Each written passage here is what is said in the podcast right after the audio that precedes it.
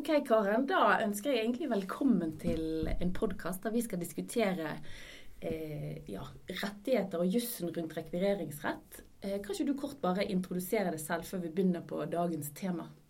Ja, eh, navnet mitt er Karen Reimers. Jeg er høyskolelektor på Høgskolen på Vestlandet. Og jobber med eh, Ja, jeg er jurist i bunnen, da. Jobber med undervisning både med helserett og forvaltningsrett og juridisk metode. Mm. I, både i grunnutdanningen på bachelor og også på videreutdanning. Ja. For det, eh, det, som vi tenkte vi skulle diskutere litt her i dag, det er jo veldig nært knyttet til rekvireringsrett. For det er jo en del rettigheter og plikter både for meg som helsepersonell, men også rettigheter overfor brukerne våre som vi må ta hensyn til. Det er liksom ikke bare å det er ikke bare å skrive ut en resept og si 'lykke på veien'. Så, så, det er en del ting rundt dette som vi som helsepersonell må være særlig bevisst og aktsomme på, tenker jeg. Eh, og vi diskuterte jo rett før vi begynte dette med ja, taushetsplikt og meldeplikt og disse tingene. Og du hadde en del ting som du tenkte dette må dere tenke på når dere skal ut og, og virke blant eh, oss. Ja, det stemmer. Eh, vi kan jo begynne liksom med utgangspunktet. For det er jo ofte liksom lett å glemme. Det er så lett å gå rett på disse litt sånn kompliserte unntakene. Men hovedregelen for helsepersonell er jo at man har taushetsplikt. Mm. Og man har taushetsplikt om all sensitiv informasjon, altså typisk helseopplysninger eh, i forhold til eh, det pasienten Altså det tillitsforholdet mellom pasient og helsepersonell, det som kommer frem. Eh, og den helserettslige myndighetsalderen er jo 16 år. Så det vil si at all den informasjonen som, som gjelder pasientens helse og private og sensitive forhold når pasienten er over 16 år, det har helsepersonell taushetsplikt om. Mm.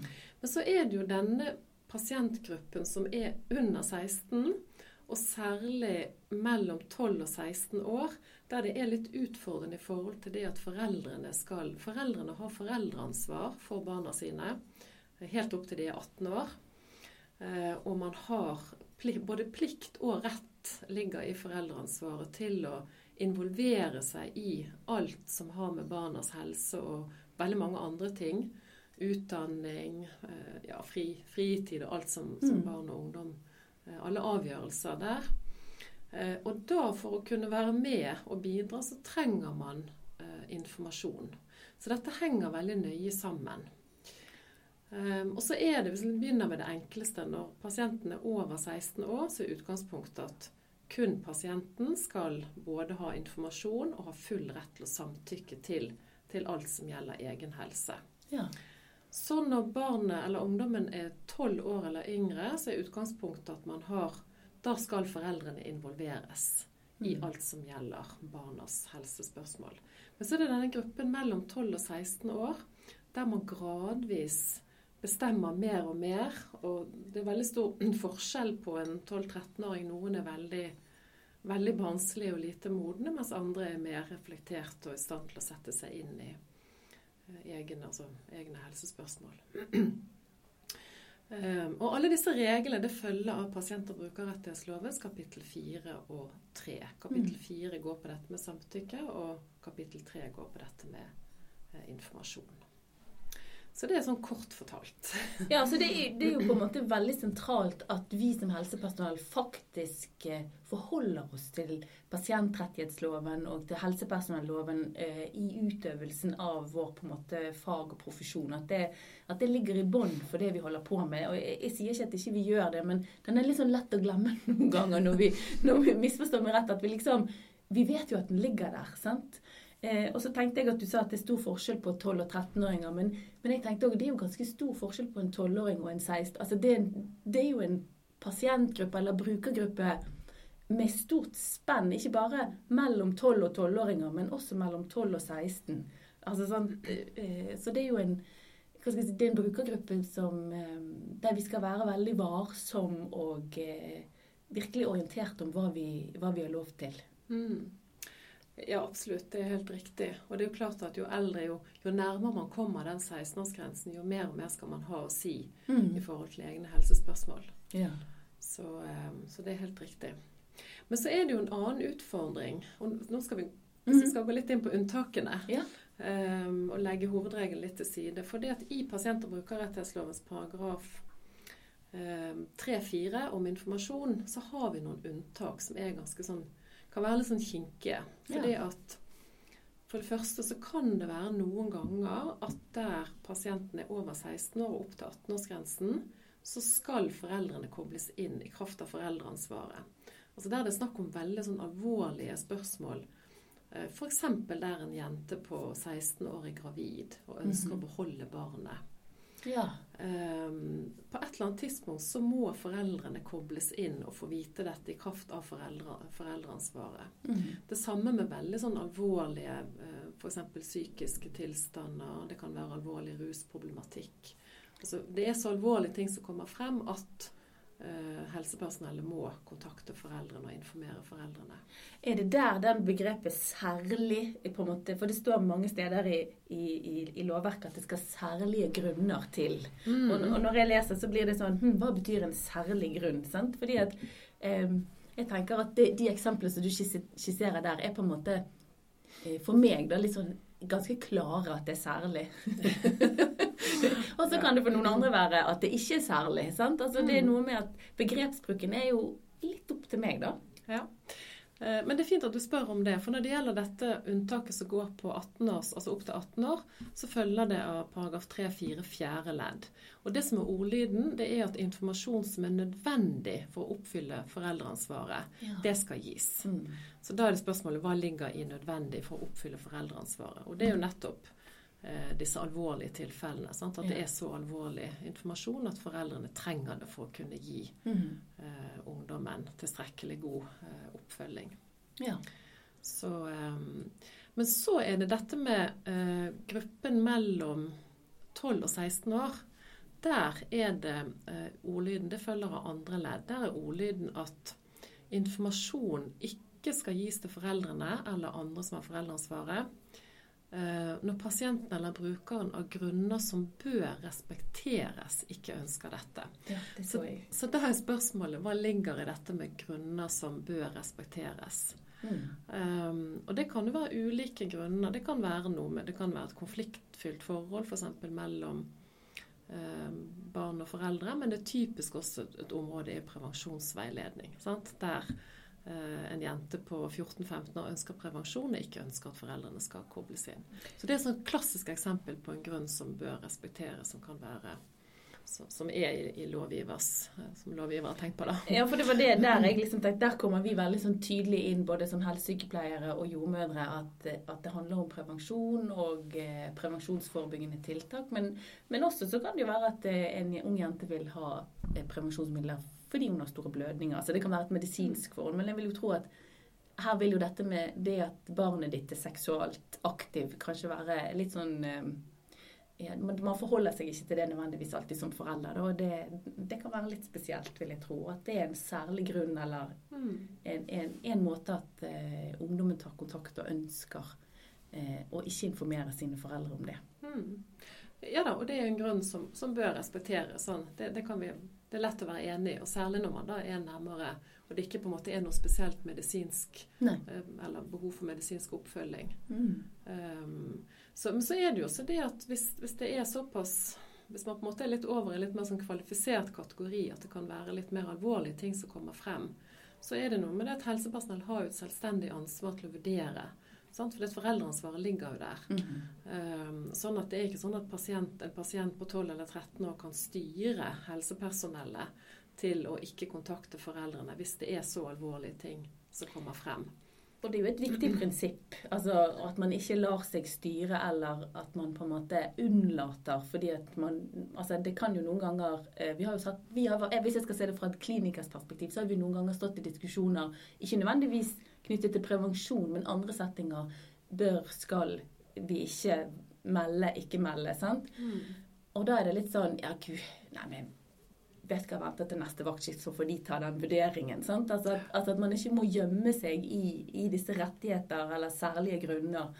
Eh, og så gjør vi på en måte en feil fordi at man tenker at man beskytter personen eller vedkommende, så kanskje er det man, meg selv jeg beskytter. Skjønner du hva jeg mener? Ja, ja, ja. ja. Og det er jo lett å på en måte utsette det. Men, men, men det er viktig å presisere det ansvaret. Og så, så er det en litt annen litt sånn utfordrende side ved det. Det er jo dette med tillitsforholdet. Sant? Og det at man, hvis da ungdommen sier at dette forteller, Hvis du lover ikke fortelle det til mamma og pappa, Ja. da kommer man jo litt sånn skvis av helsepersonell. Sant? Altså, skal man, det kan man ikke love på forhånd før man vet eh, hvor alvorlig informasjon som kommer frem. Og samtidig, faren med det er jo at man ikke får frem eh, det budskapet. Så, så det, det er et dilemma.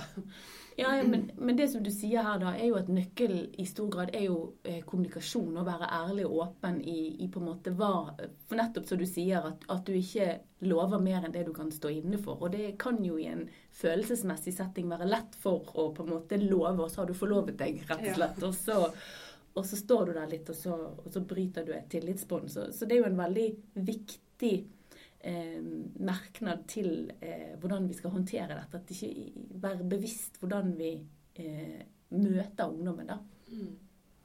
Ja, absolutt. Og dette med ærlighet. og det er jo på en måte, hvis, hvis informasjonen er så alvorlig at man da faktisk er ærlig at dette kan jeg, dette må jeg formidle videre, Mm. og at ungdommen da får vite om det før foreldrene kobles inn. Mm. Så. Men så har vi ett unntak til på lur. og, Ja. det, og det står i tredje ledd. Mm. Og det går på dette med Da er vi på en måte over i alle aldersgrupper. Og det er den gruppen ungdommer som er under tolv år. For der er jo utgangspunktet at foreldrene skal ha informasjon. Men der kom det for noen år siden inn et nytt uh, unntak i loven. Og, som står eh, det at uavhengig av pas pasientens alder, så skal informasjon ikke gis til foreldrene eller andre med foreldreansvar dersom tungtveiende hensyn til pasienten eller brukeren Ja, taler mot det. Ja. Og det ligger liksom, Hvis man smaker litt på ordlydene tungtveiende, sant? da er vi over i en mer sånn kvalifisert grunn. Mm. Um, Men det gjelder også uavhengig av om Selv om pasienten ikke har sagt noe om, om det selv, uh, så skal helsepersonell vurdere det. Mm. Det er jo typisk i alvorlige saker der f.eks. For foreldrene er uh, på å si, eh, ja, utøver vold, eller det kommer frem opplysninger om vold eller overgrep eller andre. Sånn, sånn at vi er over i de veldig sånn kvalifiserte tilfellene før man kan gripe til det unntaket. For da er man jo under tolvårsgrensen. Ja. Så, så til sammen så danner denne hovedregelen og disse unntakene skal på en måte dekke litt inn de ulike situasjonene som helsepersonell og de dilemmaene man står oppe i Mm. uh, i dette terrenget. Ja, for det, det vi har snakket om nå, det er jo taushetsplikt eh, og dette med samtykke, og det å være samtykkekompetent. Eh, har vi egentlig snakket oss helt ferdig om det, Karen, dette med å være samtykkekompetent? Eh, kanskje ikke helt. Nei. Eh, Fordi at eh, Vi sa litt om det innledningsvis, men det at, at ungdommen selv samtykker til helsehjelp når man er over 16 år, og så de mellom 12 og 18, altså under 12 år, så er det foreldrene. Mhm. Og mellom 12 og 14 år så er det barna som regnes som sånn delvis samtykkekompetent. Dvs. Si at man gradvis oppøver seg den samtykkekompetansen sammen med foreldrene. Mm. Eh, og det å si ja eller nei til behandling, og hvilken type behandling man velger. Men sånn, hvis det er satt på spissen, hvis barnet mener én ting og foreldrene noe annet, så vil det i, etter loven være foreldrene som på en måte har det avgjørende ordet. Okay. Det er utgangspunktet. Men så liksom hvis vi er opp mot sånn 15 år og 10 måneder, og det Ja. foreldrene skal presse gjennom en, en avgjørelse, det er jo det, I praksis vil jo det være veldig vanskelig. Ja, og uheldig. Ja, ikke minst. Ja. Men, men ligger det noe i det samtykkekompetansen? Altså jeg tenker, jeg kan jo være 18 år og eldre og ikke være samtykkekompetent. Mm. Ja, da har vi egne regler for det. Og, Ja. eh, men da er vi over grunner for det at man, er, at man har ulike typer eh, medisinske tilstander som gjør at man ikke er samtykkekompetent eh, i helsespørsmål.